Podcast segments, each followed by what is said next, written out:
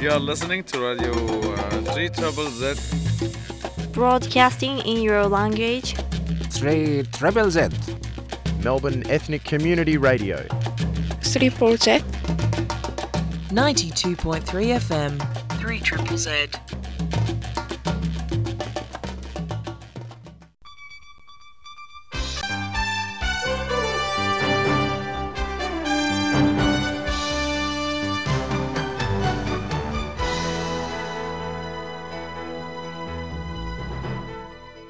Neues von der jüdischen Welt. Tausende haben gefeiert dem Tag, wenn der italienische faschistische Diktator Benito Mussolini ist gekommen zu der Macht mit Marschieren zu sein Käfer dem vorigen Sonntag. Bis 4000 haben marschiert, gezählte Tage, nachdem wie die neue, weit recht gestimmte italienische Regierung hat getadelt Italiens antisemitische Rassegesetzen von den 1930er Jahren.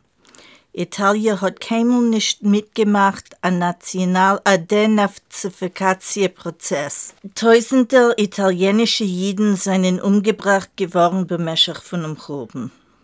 Ein neuer amerikaner Film Armageddon Time weist das Szene, wo Donald Trumps Vater Fred wird gewissen wie ein Antisemit. Der Film kommt vor in Queens, New York in 1980.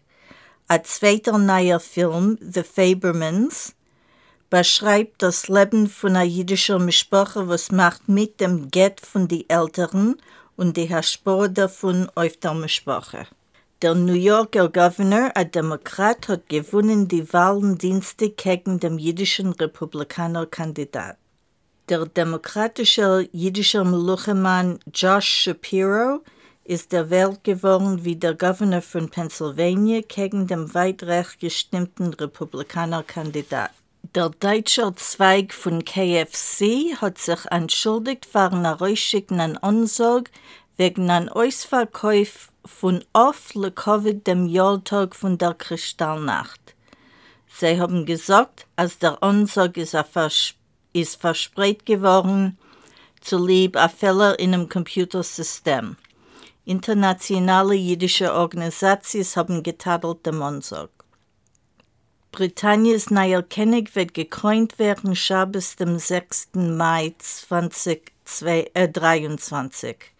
Kedei zu versichern, als Britanniens früher Hauptrov wird kennen bei sein auf der Zeremonie, hat der neue König verbeten, dem Rov und sein Freu überzunächtigen bei ihm in Stub, dem Offenfall der Zeremonie. Die Stub befindet sich nun zum Ort, wo Charles wird werden gekrönt. Aber Bericht von der britischen Regierung geht über, als ein BBC-Artikel wegen jüdischer Studenten, welche feiern Chaneke, hat gehabt Fällern. Ein Foto von Italiens neuem Gehilfssekretär für Infrastruktur weist, wie er trug ein Hackenkreuz in 2005 auf der Simche. Die Foto ist zum ersten Mal gewinn veröffentlicht in 2016. Ein Vorsteher von einer gegnerischen Partei hat getadelt dem Gehilfssekretär. You are listening to Radio uh, 3 Trouble Z. Broadcasting in your language.